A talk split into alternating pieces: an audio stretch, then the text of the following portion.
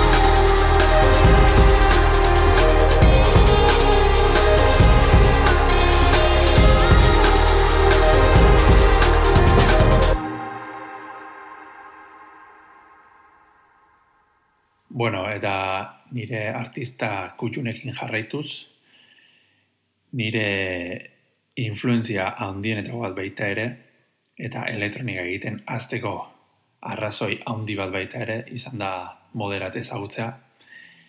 Moderat aparat eta mode selektorrek osatzen duten proiektua da, eta, bueno, lehenengo diskotik sekulako kolpea jozuten, eta zuzenean ere ez dute, ez dute failatzen. Eta orain jarriko dudan kanto honekin deskubritu nituen, eta beraz, niretzat oso oso kanta berezia.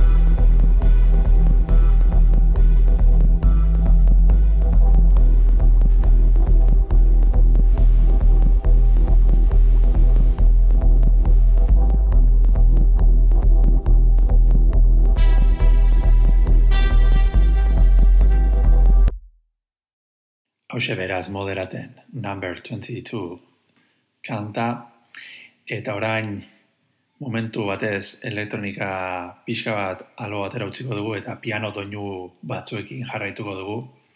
Go Go Penguinen eskutik. Bi artista hauek ere sekulako kalitatea dute ateratzen dituzten diska guztietan demostratzen dute eta bueno hau da Go Go Penguinen Raven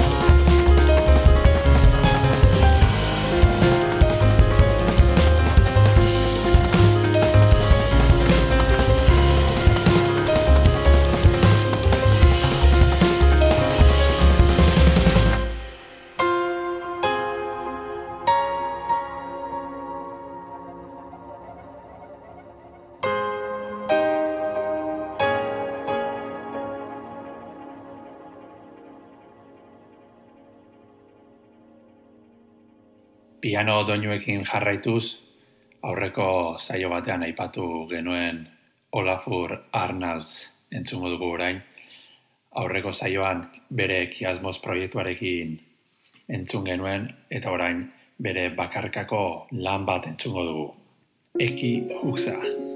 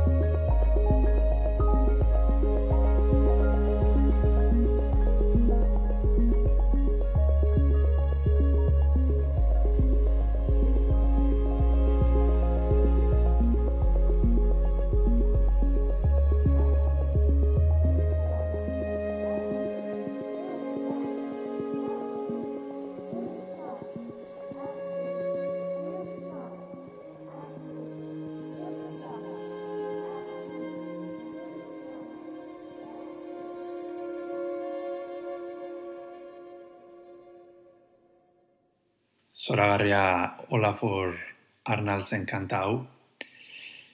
Bere piano eta instrumentazio guztien gain ja elektronika toke asko sartzen dituen kanta bat.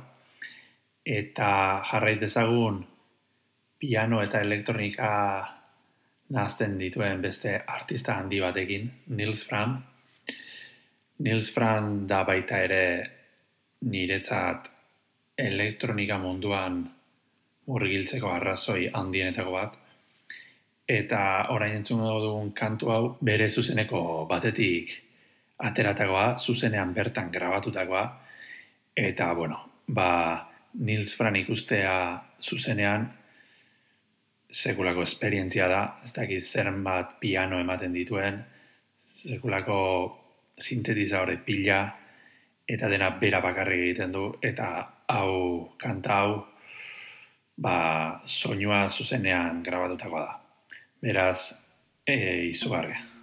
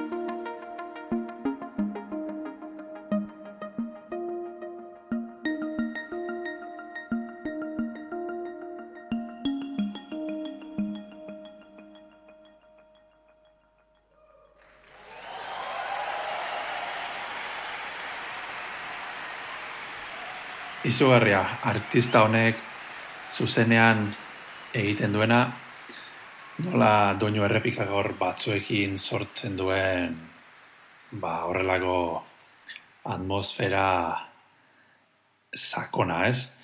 Eta, bueno, gaurko saioa maitzeko e, ba, horren beste artistak gutxu aipatu ditudan ez, ba, beste batekin bukatuko dugu. Hauek dira The Blaze frantziarrak. Eta, bueno, elegantzia osatutako elektronika egiten dute. Eta hause da beraien lehen diskoko Faces kantua.